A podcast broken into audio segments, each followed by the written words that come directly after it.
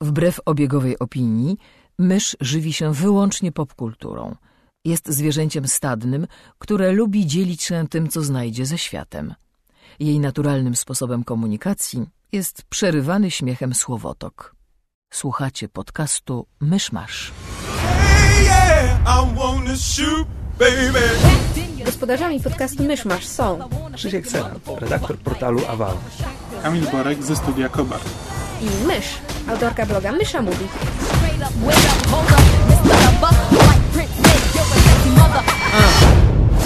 Drodzy słuchacze, jest poniedziałek, 15 lutego 2016 roku, 118. rocznica zatonięcia okrętu Maine oraz urodziny Dody. Zapraszam do 124 odcinka podcastu Myszmasz. A także dzień po walentynkach. Jej! No, jeśli kogoś to interesuje. Mamy dzisiaj dla Was odcinek e, dwubiegunowy, dwutematyczny, taki grindhouse'owy double, Double feature, feature. podwójny seans, tak. E, ale zanim przejdziemy do, do obu gwoździ programu, zazwyczaj omawiamy jakieś doniesienia, nowości i inne takie i mi w głowie siedzi tylko ostatni zwiastun do Batmana v Supermana, ale trochę się wzbraniam, żeby o nim mówić, no bo za miesiąc będzie film i nagramy cały odcinek i jakby... Znaczy ten, ten Nie widzę potrzeby. nie wniósł nic No, wniu, nowego. no wniósł tyle, że widać jak strasznie twórcy się inspirowali grami z serii Arkham w mm. prezentowaniu walki Batmana i o ile, To nawet w trailerze to się nawet kończy finisherem.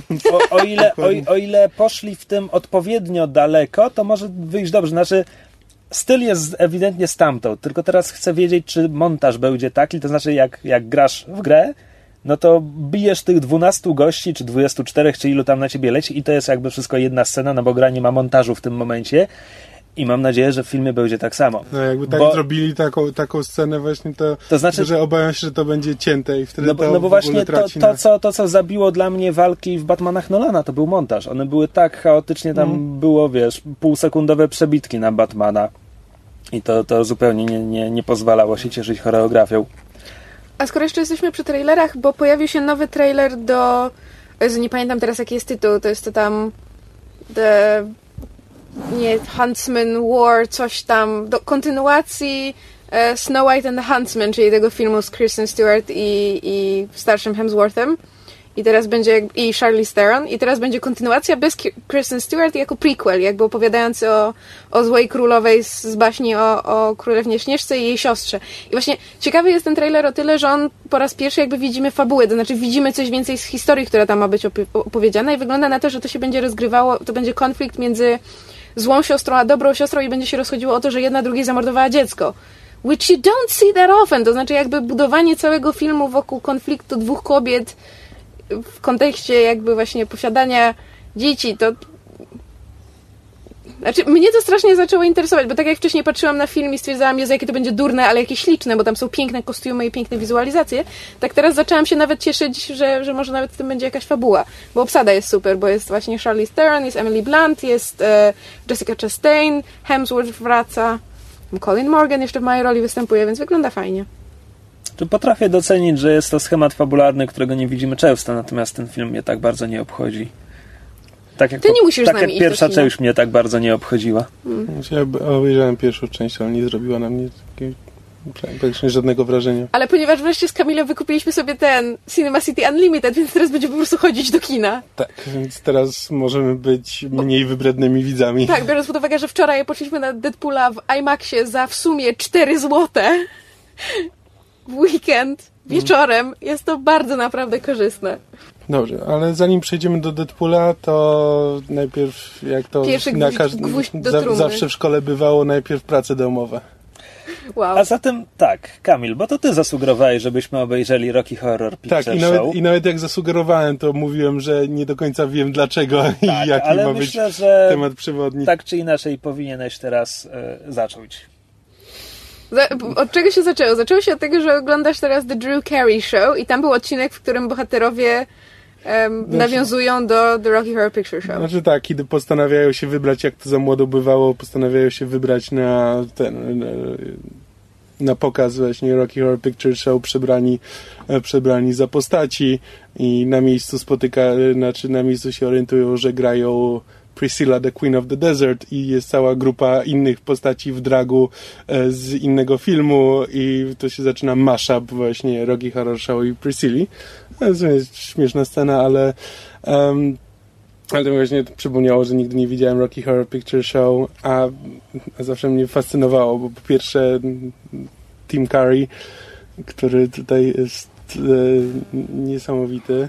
No i jakby zupełnie nie wiedziałem o co chodzi, no bo to jest, to jest taki kultowy e, kultowe zjawisko właściwie w Stanach. Właśnie ludzie chodzą na albo pokazy, na seanse, albo tak jak widzieliśmy w, w filmie właśnie Perks of Being a Wallflower. Jak tak. to po polsku się nazywało? Charlie? Chyba? Okej. Okay. znaczy, tak się chyba nazywała książka po polsku, natomiast nie pamiętam, czy taki był również tytuł filmu. Być może. E, no tak czy inaczej, e, tam jest taka scena, gdzie właśnie Emma Watson za, zabiera. To jest Logan Lerman tam? Tak. Tak, Logan Lermana na e, teatralny jakby. Nie. Znaczy to jest... Nie, nie, nie. A nie, to jest, tak, też to jest... seans. Dobrze, może zacznijmy od początku, bo Rocky Horror Show zaczęło się od, od wersji scenicznej, tak? Od, od kultowego w pewnych kręgach musicalu, który następnie został przerobiony na film, który miał um, ograniczony ten, ograniczoną um, dystrybucję i w wielu miejscach nie odniósł sukcesu, natomiast tam, gdzie odniósł sukces, to stał się kultowy. To znaczy um, film zaczęto puszczać, na te, te, te, stał się tak zwany midnight movie, czyli puszczano go po prostu e, o północy i ludzie w pewnym momencie zaczęli przychodzić na kolejne właśnie wyświetlenia przebrani za bohaterów. E, zaczęły się tak zwane to się nazywa callback lines, czyli w momencie, kiedy pada jakaś fraza z ekranu, to widownia odkrzykuje coś swojego i to się stało rytuałem do tego stopnia, że jakby w pewnym momencie frazy, które się odkrzykuje do filmu stały się jakby utarte. Jakiekolwiek improwizacje i wychodzenie poza ten scenariusz, który cała widownia znała, było wręcz e, jakby ten, spotykało się z negatywną reakcją publiczności. I narodziła się też tradycja tego, że e, film równocześnie leciał na ekranie i był pod ekranem lub przed ekranem odgrywany przez ludzi poprzebieranych za postacie, które lip-synkowały do, do dialogów i do piosenek. E, I, to, I właśnie ten rodzaj fenomenu jest pokazany w The Perks of Being a Wallflower, czyli właśnie gdzie ludzie po prostu się zbierają e, i część z nich odgrywa film, a widownia jakby też ma swoją, swoją w tym rolę, właśnie odkrzykuje różne rzeczy, rzuca różnymi rzeczami w ekran, bo na przykład kiedy w, w filmie pada chyba jest ten a toast, to publiczność rzuca tostami w, w ekran i są różne tego typu rzeczy. Jak jest scena ślubu, to rzucają ryżem. Oczywiście potem e, wiele kin zakazało rzucenia rzeczami, bo oni to potem musieli sprzątać. No, tak. no ale po prostu jest, jest cały absolutnie niesamowity, złożony um, fenomen właśnie taki związany z tym, z tym filmem. Tak, rytuał.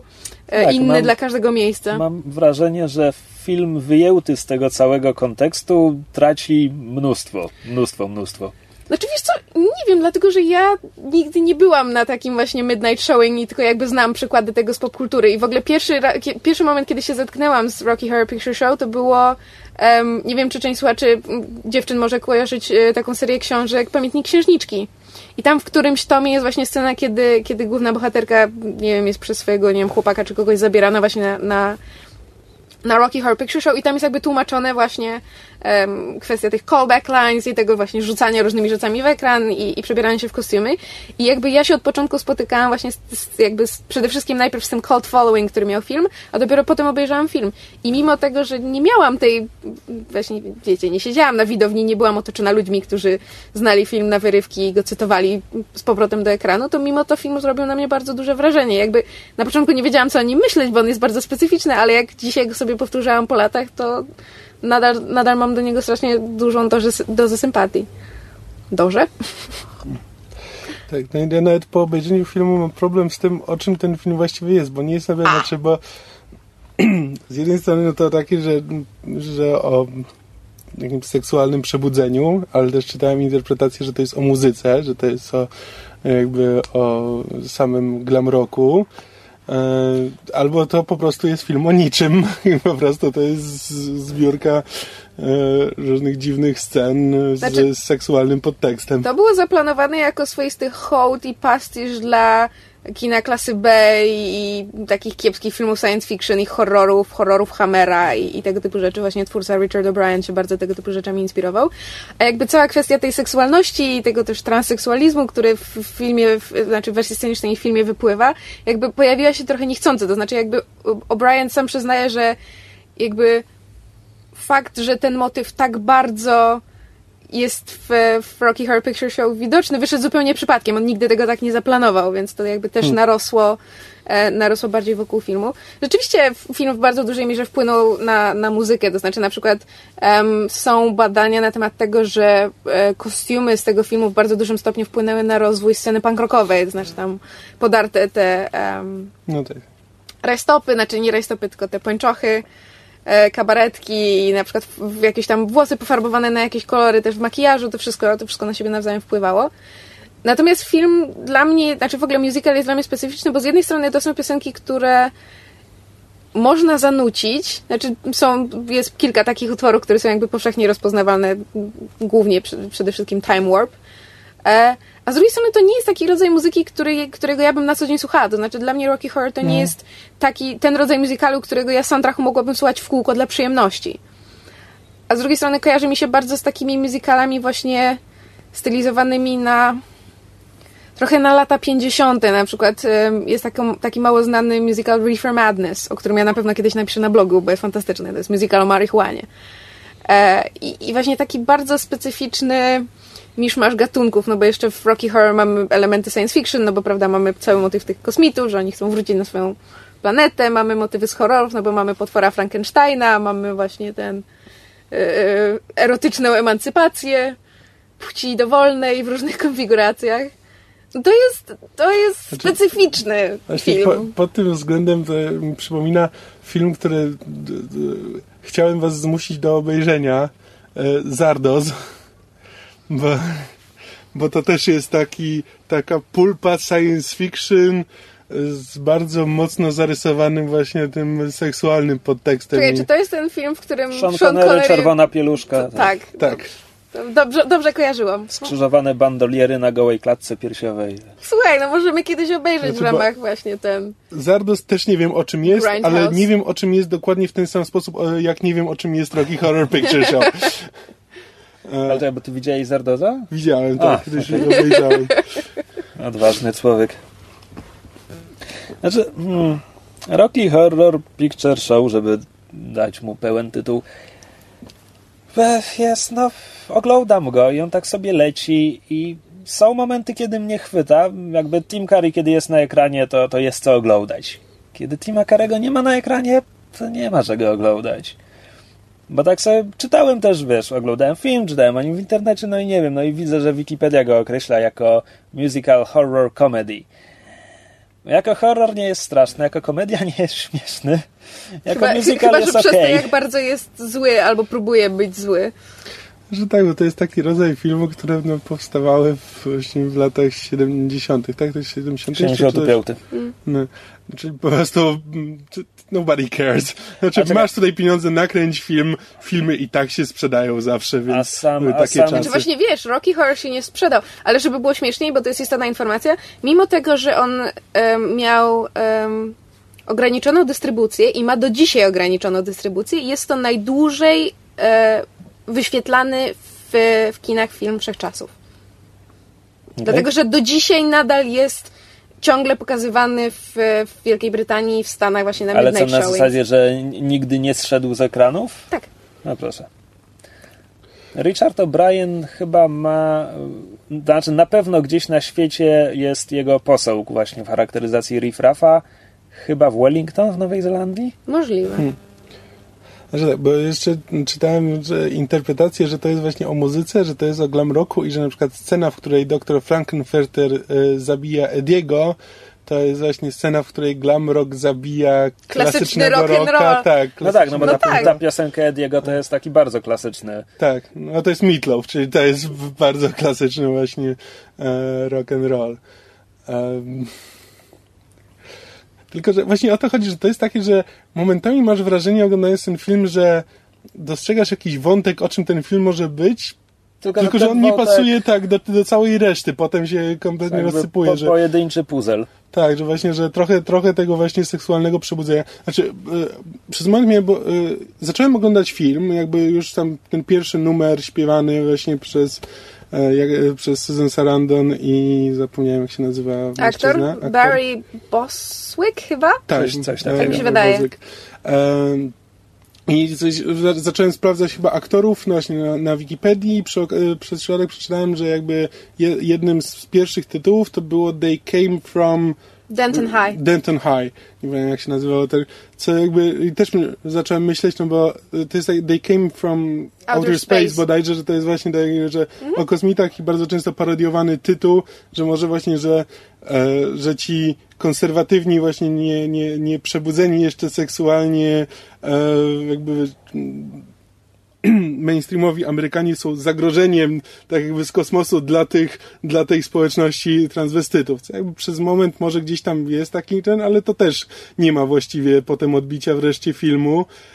To są takie właśnie, że znajdujesz jakieś takie sugestie, wskazówki, wątki, które że, mogłyby być rozwiązaniem tego filmu, ale potem cała reszta filmu do tego nie pasuje i zostajesz takim, że właściwie ale to, to jest takie właśnie po, układanka poskładana z niepasujących do siebie puzli, które razem i jakby właśnie z tą, z tą otoczką tego, prawda, cult following i tych fanów i tej jakby całej społeczności, która wokół tego narosła i tradycji, to jakby tworzy obraz, który może nie jest sensowny, ale jest w jakimś stopniu rozrywkowy i ciekawy i fajnie jest o nim wiedzieć tak. przynajmniej. Znaczy, to pod tym względem jest właśnie bardzo, bardzo punkowy. Znaczy, to jest takie, że nie ma znaczenia, co robisz, bylebyś to robił i robił to z pasją. Nie tak, ma znaczenia, znaczy... czy robisz to dobrze, czy robisz to ja... niedobrze, po prostu rób. Ja polecam, jeżeli ktoś zna film, a na przykład nie, nie łapie konwencji, to polecam na YouTubie dzisiaj znalazłam, jest e, wersja, to się nazywa 40th Anniversary Rocky Horror, Rocky Horror Show i to jest um, nakręcone wystawienie brytyjskie właśnie z okazji tam e, chyba 40. rocznicy. E, I jakby jest to tyle fajne, że ponieważ jest na żywo, to jest jakby ta, trochę inny rodzaj energii niż w filmie, a poza tym jest to spektakl na żywo właśnie z tymi callbackami, czyli publiczność wykrzykuje różne rzeczy, aktorzy na to reagują, są gestary z oryginalnych obsad i jakby jest strasznie fajny taki prawie dwugodzinny, dwugodzinny spektakl. I na przykład jeżeli ktoś nie słyszy, co, co widownia wykrzykuje z powrotem do, do aktorów, to można po prostu zgooglać, dlatego że mówię, to jest po prostu, jest pewna konwencja, są konkretne rzeczy, które w konkretnych momentach spektaklu czy filmu się wykrzykuje z powrotem jakby do ekranu czy do, czy do sceny, więc to wszystko można sobie obczaić, poczytać i jakby być znaczy może nie być tego częścią, ale zobaczyć jak, jak bardzo ludzie kochają ten spektakl i, i, potrafią się z niego śmiać, mimo że są na nim po raz na przykład setny. Bo są rzeczywiście fani filmu i spektaklu, który po prostu już w setki liczą, ile razy go widzieli. I dla nich to wciąż jest fajne i wciąż przychodzą, wciąż jakby wciąż się w niego angażują. Dla mnie to jest, dla mnie to jest fajny fenomen. A poza tym przez lata dużo fajnych ludzi się wcielało w różne role w tym spektaklu. Mm. Jest na przykład e, występ e, Antoniego Heda w roli Frankenfurtera na jakimś tam... E, Słyszałem o tym. Re, nie nie revivalu, czy, czy jakiś tam Rocky Horror Show Tribute chyba był. Dobrze sobie radzi. On chyba kiedyś jeszcze w innej... To? Tak, on jeszcze chyba kiedyś w innej wersji gra, grał e, Brada, mi się wydaje, albo Diego, nie pamiętam.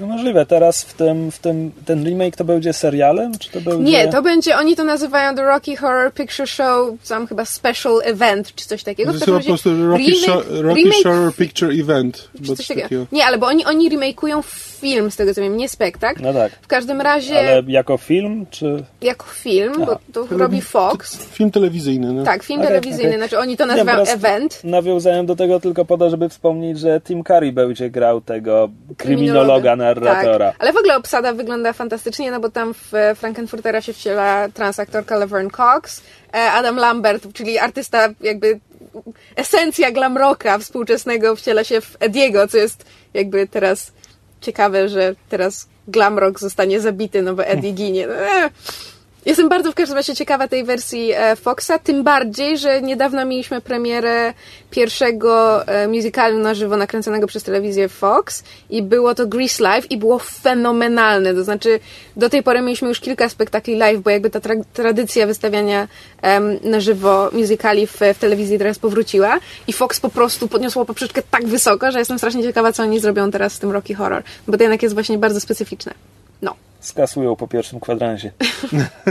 ha, ha, ha, ha, ha, ha. Ja oczywiście oglądając film teraz wiedziałem, że znam skądś narratora i próbowałem sobie przypomnieć po pierwsze, jak aktor się nazywa, Charles a po drugie Gray. skąd go znam. No tak, zdążyłem sprawdzić, tak. Potem sobie wreszcie przypomniałem, że był Blofeldem w jednym bądzie. Mm. Że był wieloma Blofeldami w tym jednym bądzie, bo tam są operacje plastyczne i sobowtóry. Mm. To były diamenty? Czy to było... Takie mam skojarzenie, że to mogły być diamenty są wieczne. No. E, czy mamy coś jeszcze do powiedzenia o tym fenomenie Rocky Horror? Znaczy ja o fenomenie nie, nie mogę nic powiedzieć, bo wiem tylko, że tak, że to jest kultowe, natomiast jakby nie interesowałem się nigdy tymi callbackami i tak To dalej. czy, tak mamy, dalej. to czy mamy coś jeszcze do powiedzenia w samym filmie? Ech. Nie powiem, żebym się bardzo męczył oglądając go, ale nie powiem też, żebym oszalał na punkcie. Znaczy, tak, Kamilu. no, Znaczy, wydaje mi się, że to jest do, tylko i wyłącznie dla kogoś, kto się jakby interesuje amerykańską kulturą, popkulturą. Um, no bo to jakby to jest taki wycinek wycinek właśnie jakiejś takiej rewolucji obyczajowej, e, który no jakby sam w sobie sam w sobie niewiele znaczy, no tylko, że jest po prostu jakby częścią jakiegoś takiego nie wiem jak to nazwać, czy ruchu, czy Znaczy jakieś takiej subkultury, bo jakby mam wrażenie, Tak. że tylko w anglojęzycznych krajach istnieje w ogóle zjawisko czegoś takiego jak Midnight Movies i właśnie tego, że, że bardzo często w trakcie takich pokazów są właśnie te callback lines, czyli się odkrzykuje rzeczy Tak, już nawet nie mówię, nie mówię w tym momencie jakby o samym tym potem już y, o tym rytuale, który narósł, tylko że jakby sam film jest jakby wyrazem e, wyrazem jakby pewnych nastrojów i które jakby w on amerykańskim powstał w wydaniu Londynie. E, Just pointing that out. no dobra, w sumie racja. E, tylko nie wiem, no, znaczy dla mnie Rocky Horror właśnie bardziej się potem przyjął w Stanach. no, no, Znaczy, dużo rzeczy, które jakby powstało, no punk rock zasadniczo też wyrósł w Londynie, zasadniczo metal, rock, to jakby to są jest dużo rzeczy, które mm, które zaczęły się w Londynie, przeszły do Stanów i dopiero ze Stanów się rozpłynęły na, na resztę świata. No wiesz, no Stany nie na darmo są uznawane Mm. za jakiś taki birthplace popkultury, no.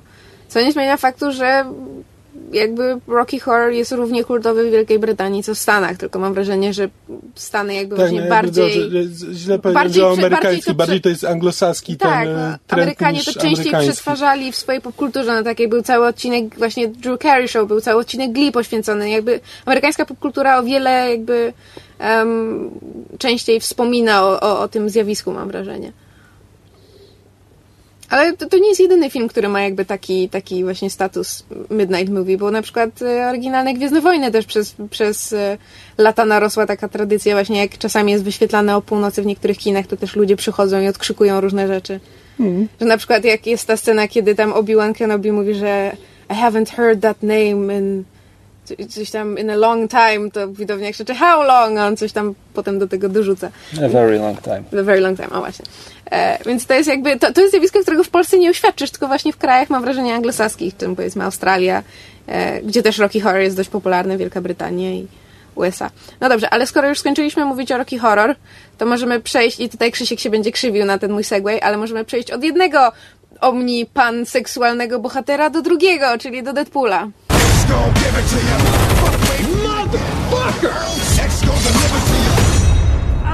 Czy chcesz się teraz ze mną kłócić na antenie? Nie no, no mogę, mogę powiedzieć tylko tyle, że wypowiedzi twórców i to też tylko niektórych o panseksualności Deadpoola nie przekładają się nijak na ani komiksy, ani film, więc no to jest takie deklarowanie bez pokrycia. Ale tak, możemy przejść do Deadpoola. E, Ponieważ to jest e, film świeżynka i tak dalej, więc oczywiście najpierw opowiemy sobie e, bezspoilerowo, a potem będziemy rozmawiać spoilerowo. Więc zacznijmy segment bezspoilerowy, bezpieczny. Był film. Tak. e, Krzysiek jest tutaj w mniejszości, bo nam się bardzo podobało, Krzyśkowi się umiarkowanie podobało. Znaczy, ty ja napisałeś się- 6 na 10, tak? No taki, wydaje mi się, że... No, no, ja mam 8 na 10, tak? Lekką ręką. ja się dobrze bawiłem na filmie, natomiast Po namyśle. nie, nie to, to, nawet, to nawet nie wymagało żadnego namysłu. No to jest film, który, gdzie, który e, sypie mnóstwo żartów z ekranu i jeśli śmieszy mnie co któryś, no to i wciąż oznacza, że śmieje się często, bo, bo jest ich tyle. więc jest całkiem zabawny. Akcja jest całkiem fajna. I nie ma tam nic więcej. Jest całkiem zabawny film z całkiem zabawną akcją, więc bawiłem się całkiem dobrze. tak, your math is sound. No, no właśnie. Znaczy, okej, okay, mogę jeszcze powiedzieć, że e, to taka refleksja, która mnie naszła potem, myślę, że to może być, że to był najlepszy film o Deadpoolu, jaki mogliśmy dostać, no bo tak naprawdę trochę sobie nie wyobrażam, jak można by go zrobić, żeby był lepszym filmem o Deadpoolu, bo czytałem trochę głosy w internecie, że tam e, mógłby być bardziej brutalny. Mógłby, ale komiksowa hmm. przemoc wcale się dobrze nie tłumaczy na, na, na ekran hmm. i wydaje mi się, że było ok pod tym względem. Mógłby być bardziej zabawny. Tak, ale bardziej zabawne oznaczałoby pewnie wepchnięcie jeszcze więcej, jeszcze większej liczby gagów, tak że już w ogóle nie byłoby miejsca na nic innego. Więc też wydaje mi się, że tutaj więcej nie, nie byłoby co. Złapali. Więc autentycznie myślę, że to był najlepszy film o Deadpoolu, na jaki znaczy, mogliśmy liczyć. Ja, ja tylko, znaczy, dla mnie jakby całkiem zabawny film z całkiem zabawną akcją to jest na przykład Kingsman. I Deadpool był dla mnie dużo lepszy od, Kings, y, od Kingsman. No tak, ale Kingsman jakby... jest idiotyczne. A też jest nie jest?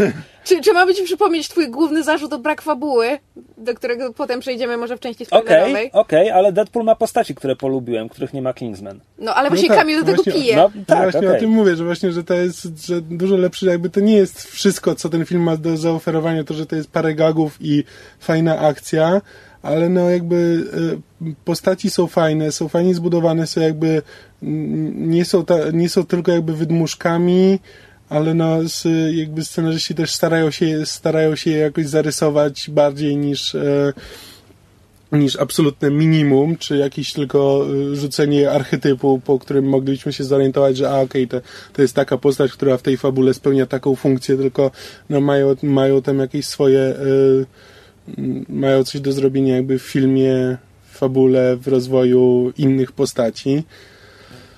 E, no i też... Rozwoju postaci? Która postać się tu znaczy, rozwija? Nie, nie rozwoju postaci, w, w, w pokazaniu postaci. Okay. E, w przedstawieniu postaci. O. Um, I'll allow that. E, Wycofuję sprzeciw. Coś jeszcze chciałem.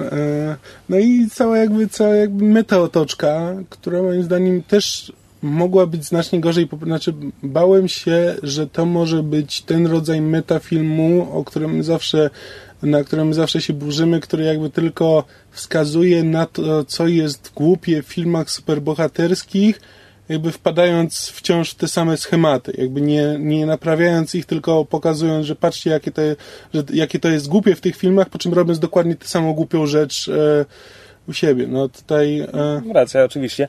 Ja mogę też dodać, że nie, nie, spre, nie spełniły się moje najgorsze obawy, czyli to nie jest ten Deadpool, który się rozpowszechnił na Reddicie jako po prostu powtarzane memy. Tak. Bo tak jak, tak jak po, ponieważ stał się popularny jako mem z internetu, to potem przyszli scenarzyści Daniel Way, którzy pisali go po prostu tylko tak, żeby był memem z internetu. I to mhm. był Deadpool, wiesz, na zasadzie, okej, okay, można napisać komiks okej, okay, no to postać, lol, random, dowcip, chimichanga, paella, cokolwiek, okej. Okay. Tak, że to jest po prostu taki, właśnie też się tego bałem, że to będzie taki rodzaj dowcipu, że e, po prostu madlibs, że po prostu nie ma znaczenia co, co że jakby dowcip możesz dokończyć puentę czymkolwiek, byleby to było dziwne i ten yy, i niespodziewane. A tu jakby te dowcipy są, mają swoje miejsce w fabule i nie są, nie, nie da się ich zastąpić czymkolwiek innym. Znaczy, czy ja mogę się do tego odnieść, bo dla mnie to było interesujące, bo tak jak Krzysiek wspominał a propos brutalności sceny, jakby no film ma rating R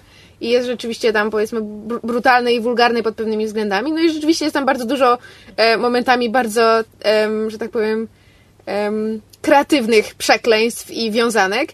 I właśnie ja miałam wrażenie, bo, bo ja się na przykład bałam, że właśnie no, Ryan Reynolds ma właśnie jakby taki talent trochę do, do, też do, do adlibowania, czyli do improwizowania tego typu wiązanek. I ja się bałam, że po prostu w filmie będzie tego za dużo. I rzeczywiście w filmie jest tego sporo. To znaczy są takie momenty, gdzie na przykład on jest tylko i wyłącznie wiązanka. I dla mnie to jest właśnie ten rodzaj madlibs, tylko że mam wrażenie, że Tak, film... ale to nigdy ale nie nie, daj mi skończyć. Ja mam wrażenie, że film nie polega na tym jako na dowcipie, to znaczy Tak, jakby... że to nie jest puenta. Tak, to nie jest puenta. Nie, Dla mnie to nie jest na przykład koniec momenty... sceny, to nie jest puenta sceny, tylko zawsze puenta sceny jakby jest Tak, w konkretnym, tak, jakby wynika ze sceny, a nie jest tylko rzuconym, śmiesznym hasłem. Tak, na zasadzie tak jak polskie widownie na polskich filmach się śmieją z tego, że ktoś powiedział dupa. To nie jest na tej zasadzie. Znaczy dla mnie na przykład największy humor leżał w, e, tak naprawdę w... em, ja bym to nazwała mime humor, to znaczy fakt, że Deadpool przez część filmu ma tę maskę i prawda, ma te niby animowane białka oczu, ale Reynolds w bardzo dużej mierze gra ciałem i jakby tą mimiką spod maski i to, to było dla mnie o wiele zabawniejsze, to znaczy właśnie jego jakby takie żywiołowe, organiczne reakcje niż to te, prawda, cię, znaczy te ciągi inwektyw, które on z siebie ten, e, że tak powiem, wyrzuca. To prawda, humor jest głównie w tej warstwie. Do tego stopnia, że ja nawet byłem zaskoczony, wiesz, jak film się skończył i tak mnie naszło, że to jest film, który jest zabawny, tak, ale to nie jest humor słowny. To znaczy, okej, te ciągi inwektyw potrafią być zabawne, ale na przykład tam nie ma takich typowych dowcipów, w sensie takiej autentycznie zabawnej kwestii, czegoś do zacytowania nie ma. To jest dziwne. No. Znaczy, nie wiesz, na przykład poziom żartów pod tytułem e, i to też po prostu mnie, mnie szczęka opadła, na przykład poziom żartów pod tytułem, że główny bohater mówi, że masturbuje się do Bernadette Peters, co jest żartem o tyle złożonym, że Bernadette Peters to jest ikona e, gejów i bohaterka, jak, znaczy i, i, i słynna e, artystka broadwayowska i jest jakby, znaczy trzeba wiedzieć tak wiele rzeczy, żeby ten dowcip był śmieszny i w ogóle trafił do widza, że tak trochę siedziałam i jest takie, ale to dla kogo ten film jest napisany? Że ja to łapię i ja się po prostu śmiałam straszliwie, ale wiesz, większość osób na sali, powiedzmy mężczyźni w wieku nastoletnim i studenckim, no to to nie jest target tego dowcipu. I się zastanawiałam, dla kogo jest ten film. Dla Ryana Reynoldsa. Tak, tak. I żeby było śmiesznie, ja o tym pisałam na Facebooku. Mój zarzut do filmu, Kamil się ze mnie śmieje, że to nie jest żaden zarzut, ale mój zarzut do filmu jest taki, że jest definitywnie za mało Reynoldsa. To znaczy, ja chcę, żeby było jeszcze więcej Reynoldsa. Po prostu w każdej scenie, no nie, nie ma sceny bez Reynoldsa. scenie, ale powinien być w każdej scenie. Nie no, śmieję się, po prostu e, strasznie mi się podobało, jak Reynolds się sprawdził i, i nie wpadł w żadną, em, że tak powiem, manierę, których ma kilka i nie wpadł w żadną, że tak powiem, em, jakąś taką nie wiem, nie, nie miałam wrażenia, że to jest na się. Miałam wrażenie, że to jest rzeczywiście e, rola, do której Mm. on pochodzi, podchodzi z ogromną pasją i ze zrozumieniem i jakimś takim e, nie chcę Tak, powiedzieć no. natchnieniem, ale no po prostu sprawdził się fenomenalnie. Nikogo innego sobie w tej roli Tak, nie wyobrażam. Wszystko jest zrobione właśnie z bardzo dużą dbałością, że te jakby na przykład sceny walki też są Przepraszam, ale zrobiło się strasznie ciepło. Bał, tika, mał, wow. Really? You, Chris? You? Of all people? You? Wow. Au. Masz Au. za swoje. Mm, sceny walki są zrealizowane bardzo fajnie, znaczy właśnie nie jest bo przy filmie, który no, nie ma jakiegoś wielkiego budżetu, no owszem, no, ma duże, duże studio, ale też w ostatniej chwili im ten budżet obcięli i tak dalej, no to bardzo łatwo było wpaść w taką właśnie manierę, żeby na przykład kręcić te sceny walki tak, żeby ujęcie, bo, bo to jest szybsze, bo to jest łatwiejsze i żeby to, wiesz, tylko na montażu potem e, nadać dynamiki e, walce, a to jest jakby wszystko przemyślane, jakby sceny walki są pokazane jakby całości, jakby nie czujesz się zagubiony w tym, co się dzieje, tylko... E, Myśmy zresztą z Kamilem zauważyli, że styl walki Deadpoola nam bardzo przypomina styl walki Kapitana Ameryki, zwłaszcza z e, Winter Soldier. Znaczy właśnie te takie kopnięcia, jakieś takie bardzo akrobatyczne, akrobatyczny styl walki i to strasznie fajnie To, wygląda. to prawda, to wygląda fajnie. Mi tam trochę. Mm, znaczy, nie powiem, że za dużo komputera, no bo musi być komputer, kiedy są całe ujęcia, gdzie ze stopklatką, ze zbliżeniami na łuski wypadają z pistoletu. Tak wiadomo, że to jest wszystko komputer, już nie mówiąc o kolosusie. E, natomiast e, czasami chciałbym, żeby tam było trochę więcej praw fizyki. To znaczy, Deadpool nie jest super silny. I w momencie, kiedy on robi, wiesz, tam potrój, potrójną śrubę i kopie kogoś w twarz, spoko, tylko potem ten ktoś odlatuje 10 metrów i to mi się jakoś nie zgrywa. Dobrze, czy mamy coś jeszcze ogólnie do Tak, powiedzenia? ja mam Co dwie mamy? rzeczy. To no, znaczy, po pierwsze, naprawdę przez cały seans, bo tak, em, okej, to byłoby trochę spoilerowe, to powiem to inaczej. Przez cały seans, jak Kania Dżdżu wypatrywałem zwrotu akcji i tam go nie ma. Mm. To znaczy, to naprawdę jest bardzo prosta fabuła. Tam Mhm. Ale to wow, ale naprawdę. Naprawdę, naprawdę. No ty ją określiłeś to, to, mianem pretekstowa. To, to, to, to w części spoilerowej powiem trochę więcej, czego oczekiwałem, czego nie dostałem. E, a po drugie, na IO9 pojawiły się dwa artykuły na temat Deadpoola. Jeden to jest po prostu recenzja, a drugi to jest właśnie w formie rozmowy jakichś dwóch redaktorów. E, taka bardzo pełna, bardzo fajnych spostrzeżeń rozmowa, z której e, wyłapałem jedną bardzo ciekawą rzecz. To znaczy, Deadpool powstawał długo, no bo tak naprawdę studio zaczęło się szykować przed premierą Wolverine Origins. Wolverine Origins to jest 2009 bodajże. Czyli powiedzmy, że w 2008 już zaczęli szykować no, Deadpoola. No, 6 lat około, bo wtedy zaczęli, zaczęły się prace nad scenariuszem. Tak. I co oznacza, że tak, bo ten film jest bardzo podobny, Deadpool jest bardzo podobny do paru innych filmów. Yy, na przykład Wanted. Bo prezentacja akcji, właśnie to takie stop klatki w czasie akcji, hmm. to, to, to jest wszystko Wanted. Wanted wyszło bodajże rok przed Wolverine Origins, więc jakby albo dwa. Więc jakby tutaj wydaje mi się, że faktycznie to była bezpośrednia inspiracja. I na przykład pragnę zauważyć, że Wanted ma ze dwa zwroty akcji. Mimo wszystko, na przykład wiedzieli, że no, no nieważne. E, I okej, okay, tylko że potem były też jeszcze inne filmy, które były ekranizacjami komiksów i które też jakby bawiły się ze stereotypami komiksowymi i szczerze mówiąc szły w tym dalej i no powiedzmy Kikas, czy, czy Scott Pilgrim kontra świat, które z bardzo różnych względów, no Kikas jest po prostu taką komedią akcji, Scott Pilgrim e, bawi się formą.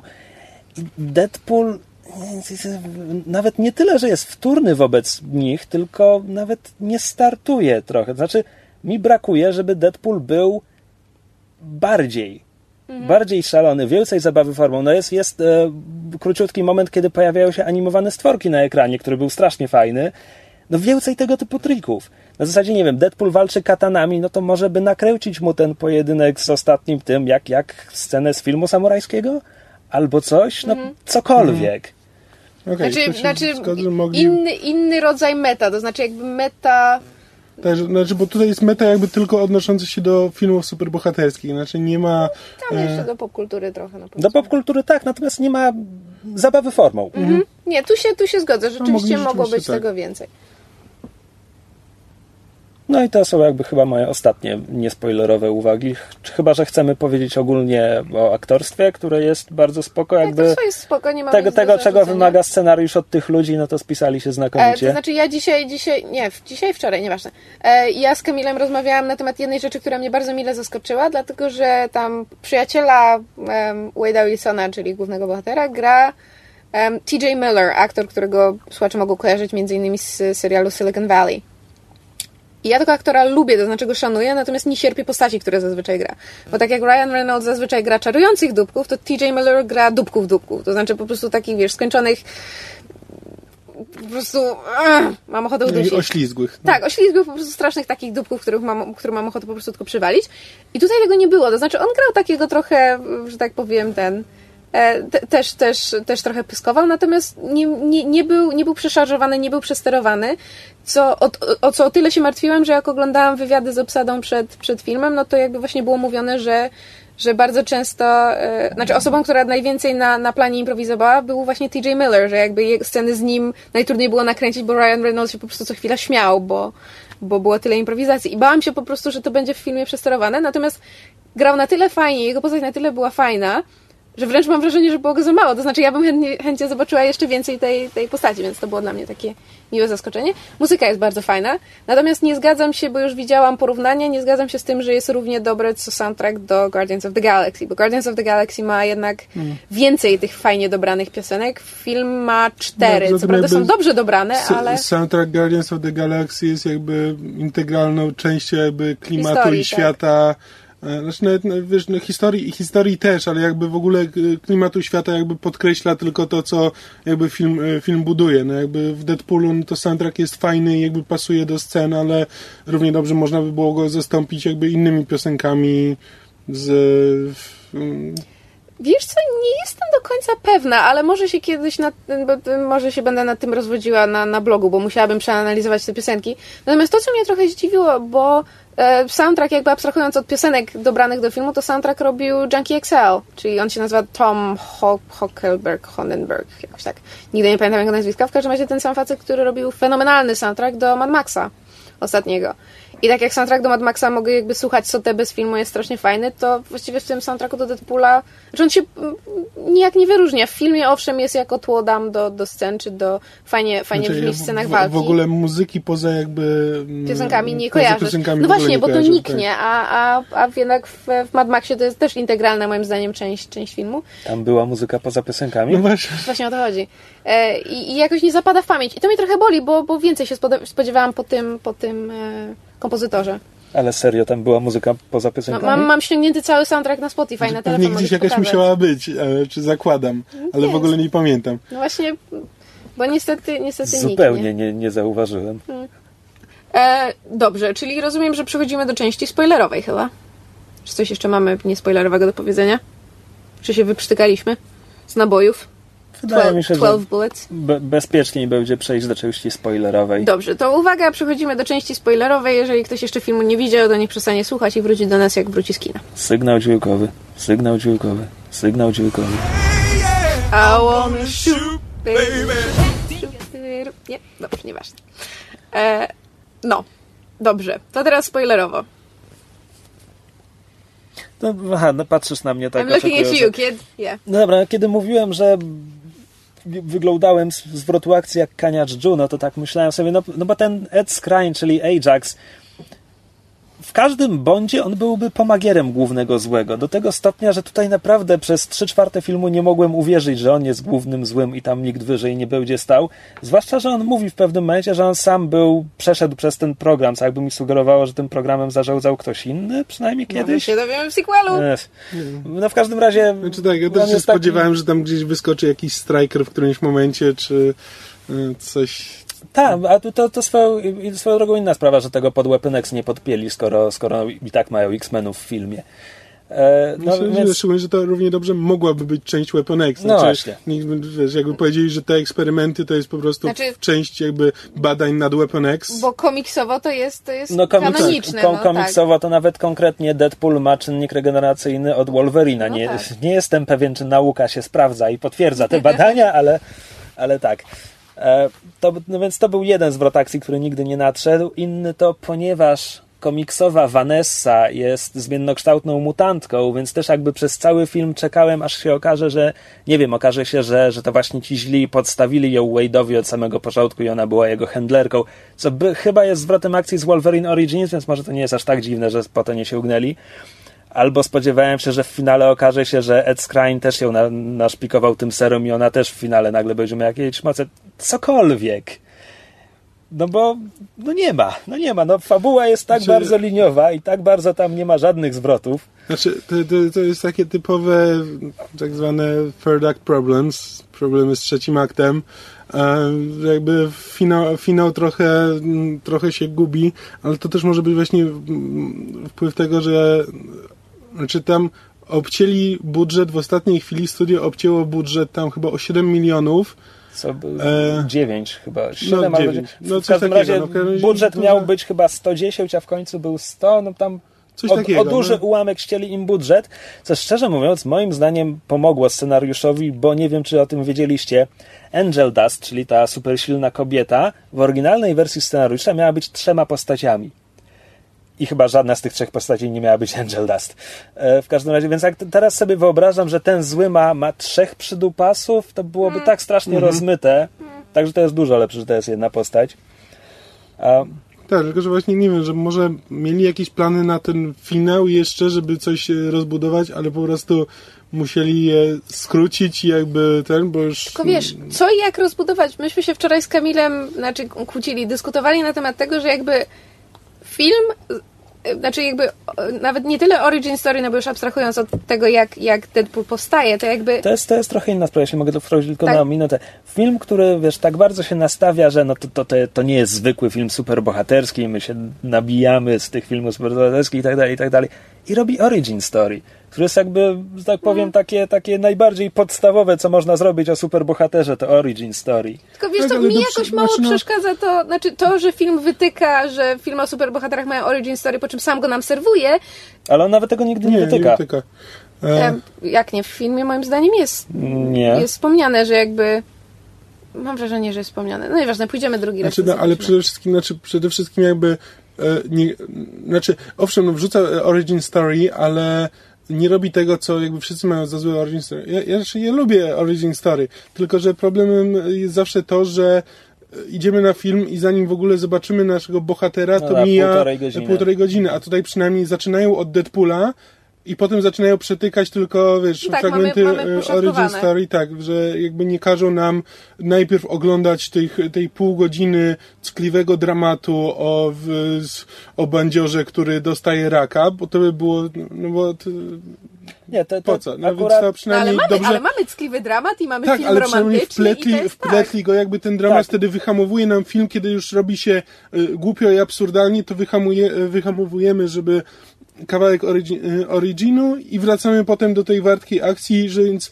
ani jedno, ani drugie nie męczy. Biorąc pod uwagę, jak banalna jest fabułka, to muszę przyznać, że to jest bardzo ładnie zmontowane i skonstruowane, to jak to, jak to jest pocięte i te retrospekcje są powklejane, bo jeżeli to film ma bardzo fajne tempo i ogląda się go przyjemnie. Tylko właśnie, bo mam wrażenie, że te, bo te, te jakby te przytykania i te, nazwijmy to triki montażowe, czyli właśnie to, jak, jak niechronologicznie jest opowiedziana historia, przynajmniej w pierwszej no, połowie. historia jest, znaczy jest to tyle chronologicznie, że retrospekcje są w kolejności. Nie, tak, ale jakby to jest tak poszatkowane w sensie, że no po prostu chodzi mi o to, że pierwsza połowa filmu jest poszatkowana, natomiast potem od pewnego momentu po prostu ciągiem dążymy do finału i jakby nie mamy już nic. I moim zdaniem to nie wiem, czy to jest błąd, ale czy, czy po prostu mam wrażenie, że to, to też w pewnym sensie sprawia, że jakby... Spłyca ten finał tak, jeszcze i, bardziej. I jeszcze bardziej pokazuje, że jaki on jest prostolinijny. Nic nie odwraca twojej uwagi. Tak. I do te, to, do czego dążyłam, e, przerwałeś mi, ale nie mam ci zasłon, mianowicie myśmy wczoraj z Kamilem doszli do tego, że jakby śmieszne jest to już, że abstrahując od origin story, to cała, całe zawiązanie akcji polega na tym, że e, bohater chce być znowu ładny. I jakby na koniec się dowiadujemy, że no to jest niemożliwe. Co jest dla mnie o tyle kuriozalne, że ja w momencie, kiedy w filmie pada zdanie, ten zły tam się pochyla nad, nad Deadpoolem i mówi, że no mógłbym ci poprawić te facjaty, ale tego nie zrobię. I ja tam siedzę i myślę sobie, aha, dobra, no to to już jest, to jest, nie wiem, red herring, czy jak to tam nazwać, że po prostu to się okaże nieprawdziwe. I dla mnie potem fakt, że bohater dąży do tego, żeby, żeby e, prawda, złapać tego złego i żeby znowu był śliczny, jest jakby mam wrażenie, znaczy ja to zaczęłam interpretować jako wręcz metawarstwę filmu, to znaczy jakby takie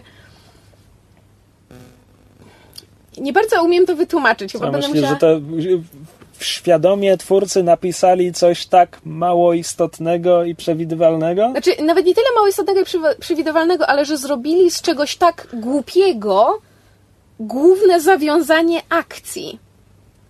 Nie wiem. Znaczy, biorąc.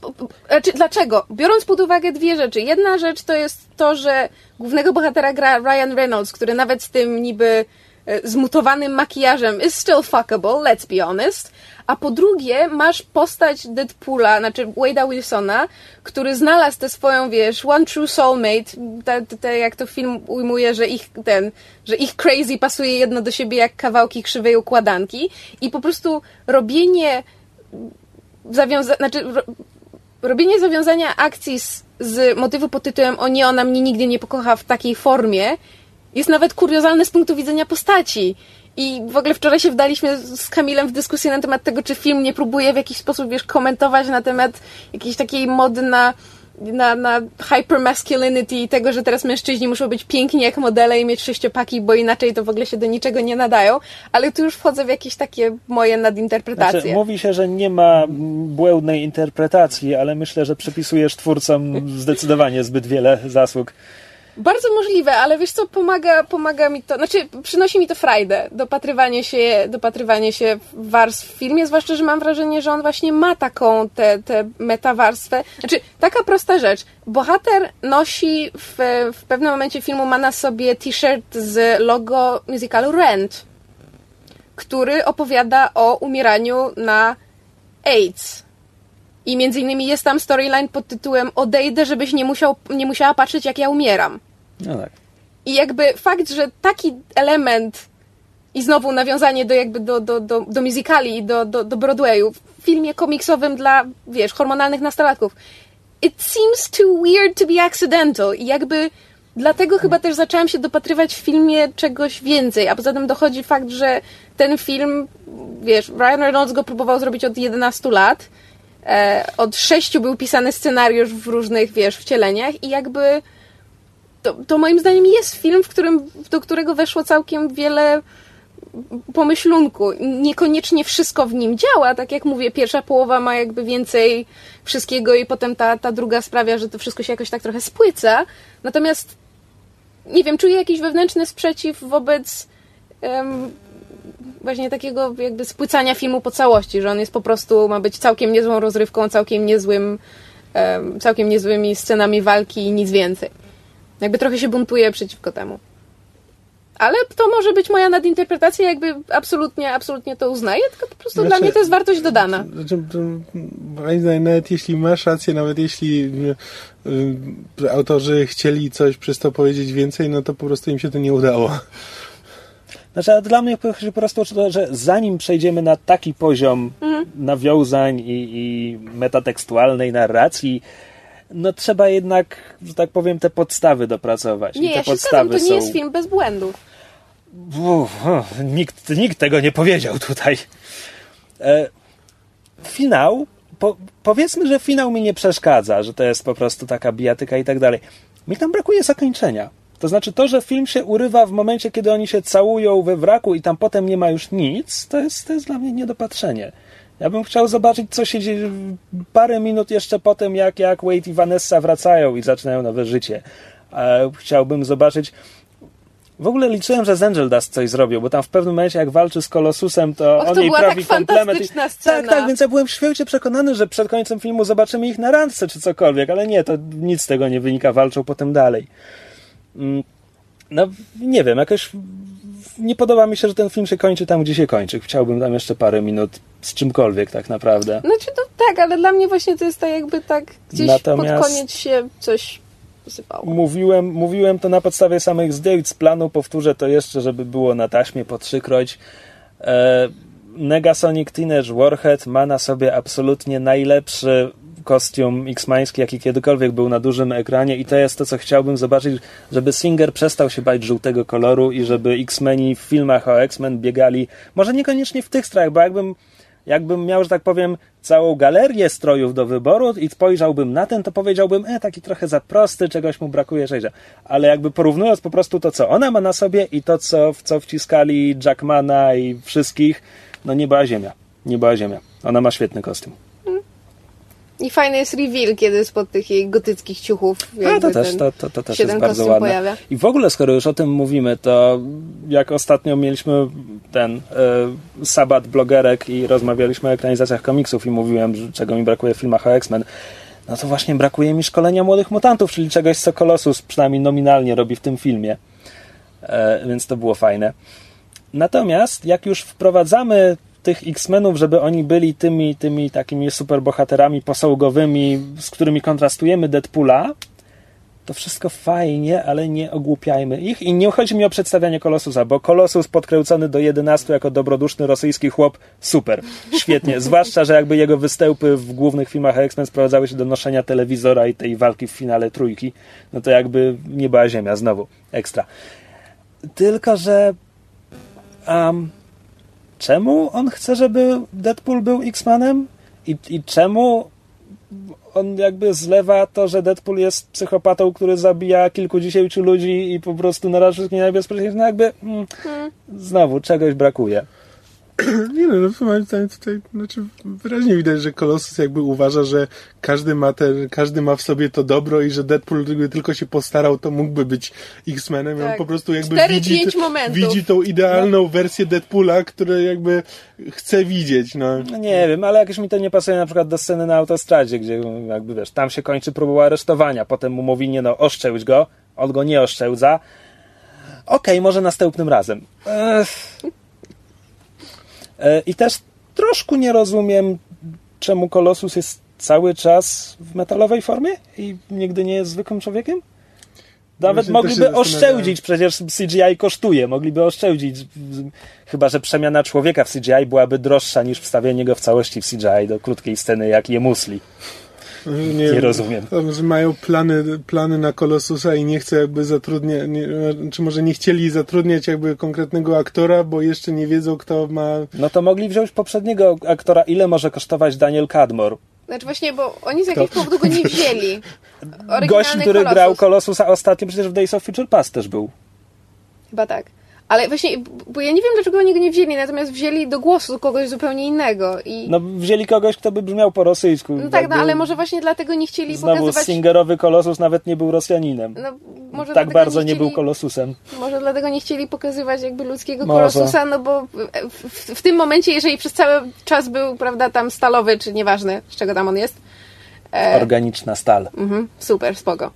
E to, to będą go mogli ewentualnie na przykład, wiesz, w sequelu, jeżeli uda im się z powrotem zatrudnić tego właśnie aktora z oryginalnych X-Menów, to będą go mogli wstawić i nikt się nie zorientuje. Bo potem go będą musieli zdabingować. No, ale nie takie rzeczy się robiło, nie? Znaczy, umówmy się, i tak ten kolosus nie pasuje, do, jakby jest, jest dwa razy większy od tej metalowej formy, którą widzieliśmy w hmm. tamtych filmach. Zresztą Deadpool, jakby twórcy sami mówią, że ich Deadpool nie ma co próbować go dopasować do cyklu o X-Men, bo to i tak nie będzie działać. Hmm. Um, Negasonic Teenage Warhead wypada spoko, natomiast jej istnienie w filmie jest, jest, znaczy, nie wiem, czy słyszeliście tę historię, bo to oryginalnie miał być Cannonball, tylko scenarzyści stwierdzili, i to jest coś, co po prostu przekracza moje pojmowanie, że oni nie chcą oni nie chcieli, żeby to był taki prosty wieśniak, z którego Deadpool mógłby się po prostu nabijać, tylko potrzebowali kogoś o tam trochę bardziej szorstkiej osobowości, żeby go skon- skontrastować z Kolosusem i żeby nie był takim łatwym celem dla Deadpoola czy cokolwiek. Więc wzięli Negasonic Teenage Warhead. Bo nie można było tak napisać Cannonballa? Znaczy, tak bardzo nie rozumiem. Znaczy, Zwłaszcza, mnie... że czekaj, bo, to, bo na tym się nie kończy, bo, bo ewidentnie już mieli storyboardy do filmu, bo, więc wzięli Negasonic Teenage Warhead i dali jej moce Cannonballa, żeby pasowało do tych storyboardów. Znaczy, dla mnie jest coś bardzo, znaczy tak fajnie przewrotnego w tym, żeby jakby skontrastować Deadpoola, który każdemu jest w stanie nagadać i z każdego się nabijać, skontrastować go z taką wycofaną jakby ten e, patrzącą na wszystkich, wiesz, przez czubek swojego nosa nastolatką. Znaczy I jakby ten kontrast mi się strasznie podoba, znaczy to, że jakby Deadpool strasznie mi się podoba to takie właśnie Próbowałeś powiedzieć down her nose, prawda? Yes, I, I was. I'm so sorry. Znaczy, no, nie, nie wiedziałam, jak Patrząca to po polsku... przez czubek własnego nosa na innych. Zapomniałam, jak się to po polsku mówi, że jest taka... Zadziera z wyższością. O, tak, z wyższością, tak. Skoro już musimy tego nosa się trzymać. E, nie, mi się bardzo Negasonic podobała, była po prostu super, plus dzięki temu mamy w filmie cztery różne postaci kobiece, które się różnią od siebie, mają różne funkcje i tak dalej. Nie mam żadnych problemów, po prostu ta, ta, ta logika scenarzystów, według której Cannonball im nie pasował i nie wiem, tak bardzo tego nie rozumiem. To wiesz, no może Cannonball też ma swoich fanów i jakby jest pisany Ach, w jakiś konkretny Cannonball sposób. Cannonball jest bardzo fajną postacią. Nie, nie chcieli po prostu już zmieniać jakby kanonu. No. Charakteru, no. tak. tak. No po prostu... No, jeśli według scenarzystów Cannonball jest wieśniakiem, z którego trzeba się nabijać, to stwierdziłbym, że oni nie rozumieją Cannonball, ale w ogóle to już jest dyskusja. E, w rezultacie mamy w tym filmie, bo ten film bierze komiksowe postaci. Tam naprawdę trzeba się wysilić, żeby wskazać postać, która nie jest z komiksów powiedziałbym, że ten bezimienny gość w garniturze, co rekrutował, to, to jest a, na potrzeby filmu. A ten, ten zna, znajomy Deadpoola? Ten Weasel? Weasel jest komiksowy. Tak, hinduski taksówkarz też prawdopodobnie jest oryginalną postacią. Weasel jest komiksowy, on w komiksach jest bardziej hakerem i pomocnikiem Deadpoola, hmm. ale poza tym jest komiksowy. Blind Al jest komiksowa, Ajax jest komiksowy. I teraz zrobi się zabawnie. Angel Dust jest komiksowa, wystąpiła w jednej miniserii o Morlockach kilkanaście lat temu i wzięli ją do filmu, bo czemu by nie. Negasonic Teenage Warhead wystąpiła tak naprawdę jako ona sama na trzech stronach jednego komiksu Granta Morrisona. No. Negasonic Teenage Warhead jest w klasie telepatów, którą Emma Frost uczy na Genoszy tuż przed tym, jak Genosza zostaje zniszczona przez e, gigantyczne sentinele. Nawet, widzi, nawet czytałam ten komiks. Więc, więc Emma Frost ma z Negasonic jedną wymianę i tam Negasonic jest po prostu jakąś, nie wiem, wycofaną Gotką. gotką, tak, jakby zupełnie nie ma nic wspólnego z filmu. I potem Whedon ją wziął do Astonishing X-Men, tylko spoiler do komiksu sprzed kilkunastu lat, który chyba trzy razy był już wydany na polskim rynku. Tam się potem okazuje, że to tak naprawdę nie jest ona, tylko projekcja, jakaś iluzja czy cokolwiek. W każdym razie, nieważne, który z tych dwóch występów Negasonic weźmiemy, żaden z nich nie ma nic wspólnego z filmem i znowu nie mam z tym żadnego problemu, po prostu strasznie mnie śmieszy, że no mając tyle postaci, które powiedzmy coś komuś mówią i mają jakichś swoich fanów, po prostu biorą, sięgają już, jakby, że tak powiem... Skrobią od nobeczki. Tak, skrobią od nobeczki, podczas gdy obok stoi pięć pełnych beczek, których nie naruszyli. Znaczy. Znaczy, ja się zdziwiłem, że Negasonic Teenage Warhead nie była jakby od początku planowana do Deadpoola, bo z takim imieniem jest jakby to jest pierwsze, pierwsze, pierwsza postać, którą powinni wziąć, bo w żadnym innym filmie e, ta ksywa by nie miała, nie miała sensu. Tylko... Znaczy oni chyba też między innymi dlatego ją wybrali do tego filmu, bo stwierdzili, że the joke is too good to pass up. W ogóle to, to imię mnie fascynuje. Rzeczywiście cudowne. No to jest, to jest znaczy jakby Whedon, Whedon dużo bardziej wprost się z tego może nie nabijał, bo, bo tam w scenariuszu jest jak Shadowcat słyszy to imię, to jej repliką jest ojej, naprawdę skończyły nam się ksywy. no czy wiesz, bo rozumiałbym ksywę Warhead. Okej, okay, no fair enough. Okej, okay, Teenage Warhead. No dobra, no jeśli no jest nastolatką, niech będzie Teenage Warhead jeszcze bym rozumiał Megasonic Teenage, e, Teenage Warhead. To by miało sens. Ale jeszcze z tego zrobili Negasonic Teenage Warhead. Now you're just jak, trying too znaczy, hard. Jak działał umysł człowieka, który tam postać Grant Morrison. Grant Morrison. No dobra, to prawda. Grant Morrison. E, podobały mi się e, nawiązania, które, co do których twórcy nie do końca mieli prawa autorskie bo Bob, który pojawia się w finale, w komiksach to jest Bob agent Hydry. Oni nie mogli użyć Hydry, więc po prostu jest Bob agent bezimiennej organizacji najemników. To raz. Dwa. Bob?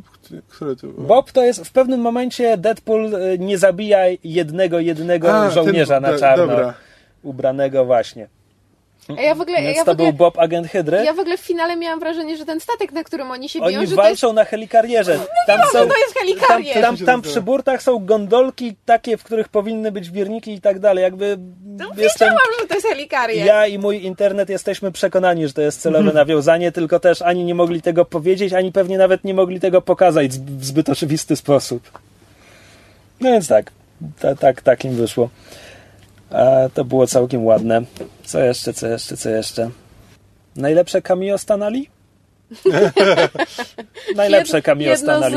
Tak. Znaczy ja nadal lubię to w e, Spider-Manie, że on jest w bibliotece i się nie odwraca, bo ma słuchawki na uszach. No, Ale tak, tak to jedno, jedno z lepszych cameo.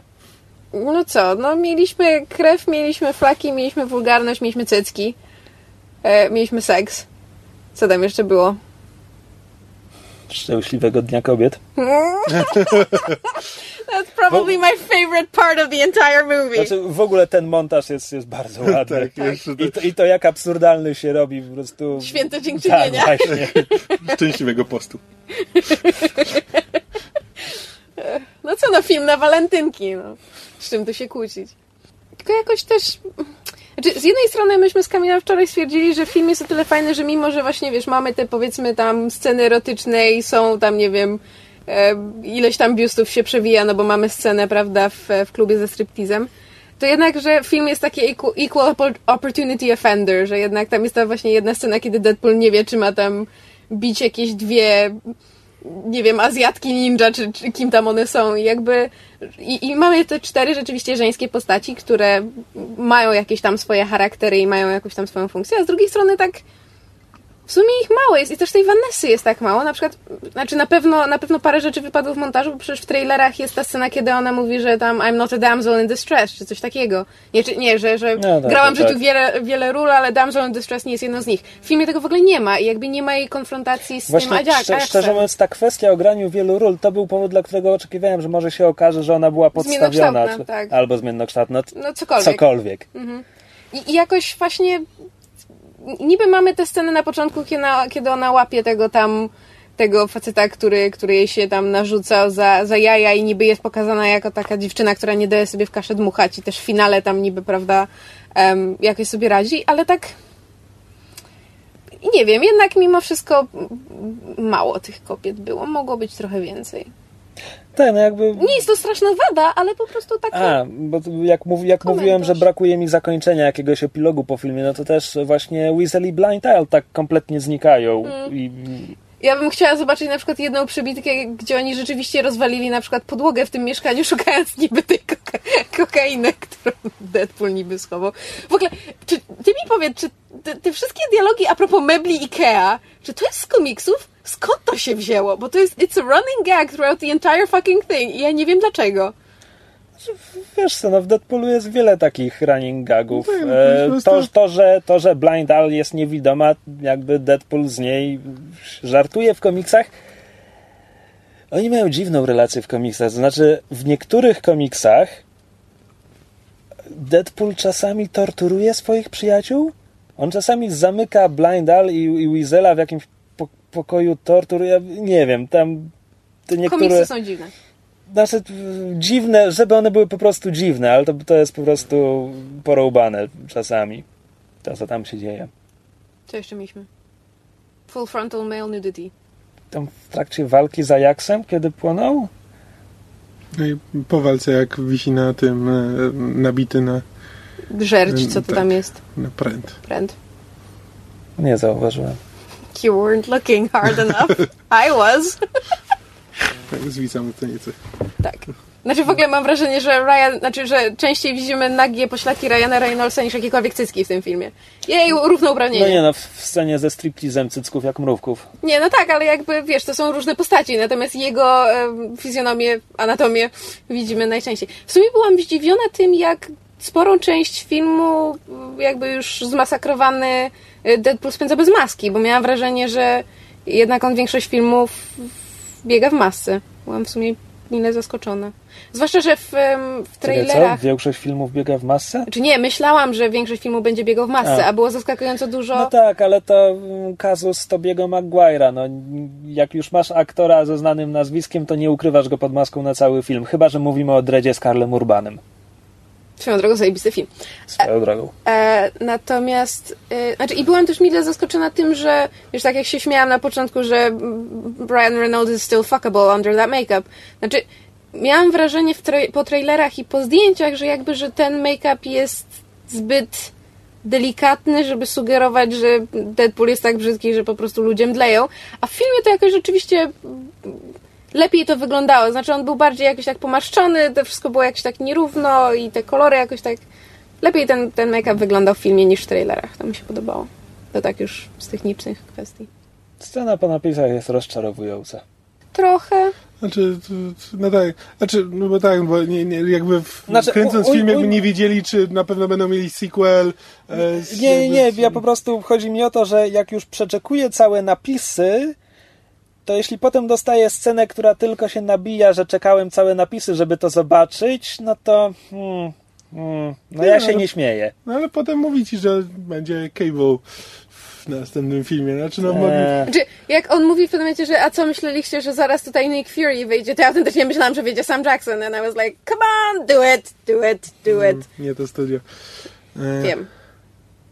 No wiesz co, mogliby po prostu pokazać Sama Jacksona, to jakby w wiesz, gag pod tytułem Deadpool is in Sam Jackson's house i jakby wiesz, na tym polega gag. Gdyby nie to, że jakby przez cały czas jakby nie było wiadomo, jak ten Deadpool się przejmie i czy będzie miał sequel, znaczy to chciałbym, żeby na przykład pokazali tego Cable'a, zamiast tylko jakby mówić, że przy następnym filmie będzie Cable. Sam ci powiedział, że jeszcze aktora nie zatrudnili. Ale no właśnie, no jakby rozumiem, że to było jakby przez logistykę niemożliwe. co, ale mógł po prostu pokazać do kamery okładkę komiksu z Cable'em. Jakby cokolwiek. Hmm. Pomyśl o ludziach, którzy nie czytają komiksów. Co im ta scena mówi? Że, że, że, wrócą no. do domu i muszą zgooglać, kim jest Cave. Sceny po napisach nigdy nie są dla tych, którzy nie czytają komiksów, albo wiesz, albo są tam przypadkiem. No, to jakby to nie... No nie, no Avengers mają w miarę, znaczy wiesz, sceny typu shawarma, shawarma czy, czy ten sesja, sesja między Tonym a, a, a Bruce'em to nie są sceny, które, przy których musisz znać kanon, to No prędzej to już, Guardians wiesz, of to the Galaxy. ale na już przykład pierwsze, no to były, no to wiesz, pojawia się, pojawia się sam Jackson w opasce i mówi, że chce, że chce cię przyjąć do Avengers Initiative. No dobra, no to dla już- to kogoś, już kto jest jakby, bliżej. Mówmy się, Avengers jakby... Więcej ludzi wie, kim są Avengers niż Cable. No tak, ale to nadal jakby jest, wiesz, to jest dla fanów. Na scenie po napisach zawsze są dla fanów i No nic, nic. Może ja po prostu jestem markotny, bo jakoś wcale mi się nie spieszy do oglądania Cable'a w sequelu Deadpoola. Ja chcę, żeby Deadpool miał chłopaka w drugiej części.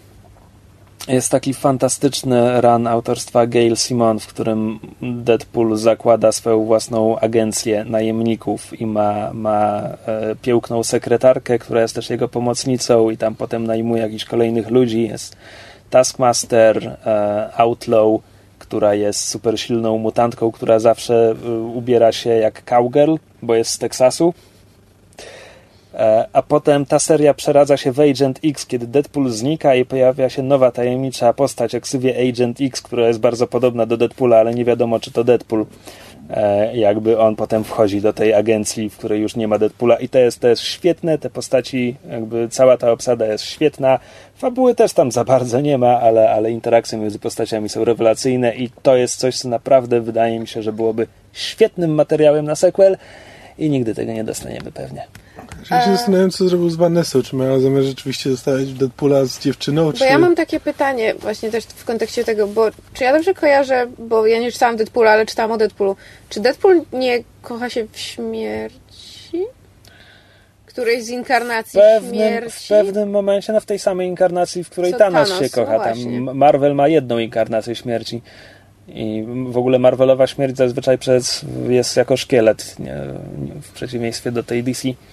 E, tak, to jest w pewnym momencie i ja wcale nie uważam, żeby to było szczególnie interesujące. No. E, Deadpool w tym momencie jest żonaty, e, jego żona jest królową wampirów. A tak! Shikla. Shiksa. Um, co tam jeszcze było? No tak, Vanessa chyba była kiedyś jego żoną. Sabertooth ją zabił bodajże. Ups. A, wiesz co, to, to akurat było w historii, w której Weapon X znowu zwerbował Deadpoola, więc tak jakby Weapon X, Sabertooth, to, to, to się nigdy nie kończy dobrze dla dziewczyn głównych bohaterów. Zapytaj Wolverina. Właśnie chciałam No. powiedzieć, że Wolverine and Deadpool can bond now. Co tam jeszcze? U, Siren. E, De- Deadpool e, miał jakieś relacje z córką Banshiego. To było strasznie fajne. Interesting. No i jest jeszcze fanoniczny związek Deadpoola ze Spider-Manem. E, Oni teraz mają Mój własną serię. zakątek Tumblera w każdym W razie bardzo sensie, głośno o tym pisze. w tym momencie właśnie ukazał się drugi zeszyt serii Spider-Man and Deadpool E, i to jest, to jest ongoing w ogóle, co wydaje mi się nieco dziwne, ale hej. Więc to jest po prostu mm, komiks, który, który paruje Deadpoola ze Spider-Manem. A oni tak naprawdę, pomimo, pom, pomimo tego, że wydawałoby się to dość oczywiste, biorąc pod uwagę, jak są podobni z wyglądu i że obaj sypią żartami i tak dalej, wcale nie mieli wielu interakcji w komiksach. Teraz to się zmieniło, ale wcześniej przez lata nie bardzo. No, w filmach też nie będą mieli. No tak. Dlaczego masz E na skarpetce? Bo to są, No, uważaj, ma o. skarpetki OE. Pan tu nie stał. Bułkę przez bibułkę. Bardzo ładne. Very fancy. Pisz posz. No dobrze, ale skoro rozmawiamy o moich zielonych skarpetkach, to już chyba naprawdę wyczerpaliśmy temat. Nie wiem, ja się chyba jeszcze będę, ale to na blogu rozpisywała o moich nadinterpretacjach meta, ale to mówię, to dla mojej przyjemności. Znaczy tak, ale no ta warstwa meta była... Znaczy, to tak spodziewałem się... Znaczy, bardzo mi, bardzo mi przypominało to filmy Wona, e, jakby właśnie Kikasa, czy ten jakby pod kątem prowadzenia, prowadzenia akcji, ale też jakby e, Kikas, no to na przykład to był taki e, film o, o superbohaterach, ale jakby wyśmiewający superbohaterów i jakby taki z, zupełnie... No, ale, ale też mający finał, będący po prostu finałem filmu tak, no superbohaterskiego. tylko, że jakby sam, sam tak, Kikas był, sam Kikas był takim zupełnie jakby zupełnie z zewnątrz, a, jakby- a Deadpool mimo wszystko jest no jest jakby częścią tego świata superbohaterskiego i e, tak, i tylko i... jakby go komentuje jakby z wewnątrz, a nie od zewnątrz. Tak, i dla mnie to się nawet przekłada na film do tego stopnia, że tak, to jest taki haha, anarchiczny humor i tak dalej, w ogóle śmieję się z tego i tak dalej. No ale to jest projekt wielkiego studia i to jest wszystko takie mimo wszystko bezpieczne. Jakieś takie... Znaczy, no tak, bo on się jakby bardzo trzyma tego schematu, schematu superbohaterskiego od początku do końca. To jest taki, taki trochę pastisz, no, że to jest może owszem momentami się jakby naśmiewa, ale jakby poprzez trzymanie się e, tych, tych schematów. E. A wiecie, że nasze double feature ma, mają jeszcze jedną wspólną cechę? Zaskocz mnie. Bohaterowie obu filmów przełamują czwartą ścianę nagminnie. Patrzą w kamerę. Frankenfurter też to robi wielokrotnie w trakcie mhm. filmu. Zwraca się do widowni. Wow. Przypadek? Nie sądzę. Tim Curry na Deadpoola. Might be difficult w obecnym stanie. Ile on ma lat? On jest po wielu udarach i jest na wózku. Tim Curry jest na wózku? Tak, między innymi dlatego będzie grał no, kryminologa, bo to jest jedyna rola, którą jest w stanie zagrać. Co jest o tyle dziwne, że przecież w Rocky Horror Picture Show jest postać doktora Scotta na wózku, który jest... Tim Curry na profesora Xaviera. Ooh, I would watch the shit tak. out of that. No. Bardzo tak. Swoją drogą strasznie mnie rozbawił ten malutki, wiesz, throwaway joke w Deadpoolu pod tytułem... Stewart czy McAvoy? Tak. Głupie, ale śmieszne. I twarz Hugh Jackmana w finale. Autentycznie spodziewałem się, że wyskoczy. No nie? Gdzieś. Jakoś byłem bardzo rozczarowany, że go nie ma w filmie. Znaczy, okej, okay, nie bardzo rozczarowany. Ale szkoda. Może w sequelu, no. Jakby podejrzewam, że studio trochę się bało, jakby tam wrzucać znane twarze. Ale zwłaszcza, że w tych napisach początkowych, swoją drogą strasznie fajne są te napisy początkowe. E, tam było właśnie chyba coś napisane na zasadzie, że tam we could only afford one big cameo, czy coś takiego. I, i, i właśnie myślałby kto, że mogliby Hugh Jackmana z tego Tak, no bo w, w, tym, w tym momencie nie rozumiem. To, to Colossus to jest tym dużym cameo? Czy, czy Stan Lee, który Czwart, jest zawsze... Czwartoplanowa postać z X-Menów, czy właśnie, Stan Lee, który jest wszędzie? No właśnie tak trochę dziwnie, nie? I don't get it. I don't get the joke. No nieważne. Ale no, Deadpool z maską ten Hugh Jackmana bardzo mi się podobał. Mm. No, w każdym razie y, ogólnie polecamy wybrać raz na pewno się można. Jest to kawał, jak to powiedział Krzysiek, całkiem dobrej rozrywki. Znaczy tak, bo jakby wszystko stoi na, na takim poziomie, że nawet jeśli Wszystko jest być... w porządku, 6 tak. na 10. Wszystko jest w porządku plus 2, 8 na 10. Tak. No, tak, no, my w każdym razie z Kamilem chyba sobie w przyszłym tygodniu pójdziemy jeszcze raz w ramach, skoro już za darmo chodzimy w ramach Cinema City Unlimited, bo ja bym jednak chciała się przyjrzeć paru rzeczom, a poza tym zawsze oglądam Reynoldsa z ogromną przyjemnością i to jest jego, to jest po prostu jego ten venue. On się idealnie do tego nadaje i lata mm. grania czarujących dupków i, i jakby fakt, że zaczynał swoją karierę od Van Weldera, który jest bardzo podobną postacią, to jakby wszystko się, mhm. Wszystko się potoczyło tak, jak miało się potoczyć. Ostatecznie dostaliśmy tego Deadpoola, więc mimo, że trochę narzekamy, to jest dobrze. I czekamy dobrze. na sequel. Jest całkiem dobrze. No. To tyle od nas w tym tygodniu. Dzięki Wam za uwagę. Dzięki, że słuchaliście naszych wywodów o e, tym zaskakująco e, momentami zbieżnym double feature. E, I do usłyszenia w przyszłym tygodniu kiedy będziemy rozmawiać o jeszcze nie wiadomo. Wow. Co za trailer. It's a surprise! Also for us. No. To dzięki i do usłyszenia następnym razem. Pa! Na razie. Na razie.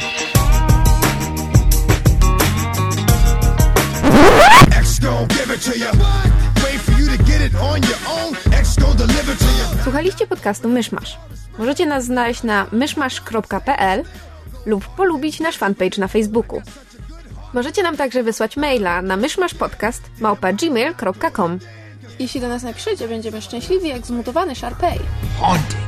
You look like an avocado had sex with an older avocado. Thank you.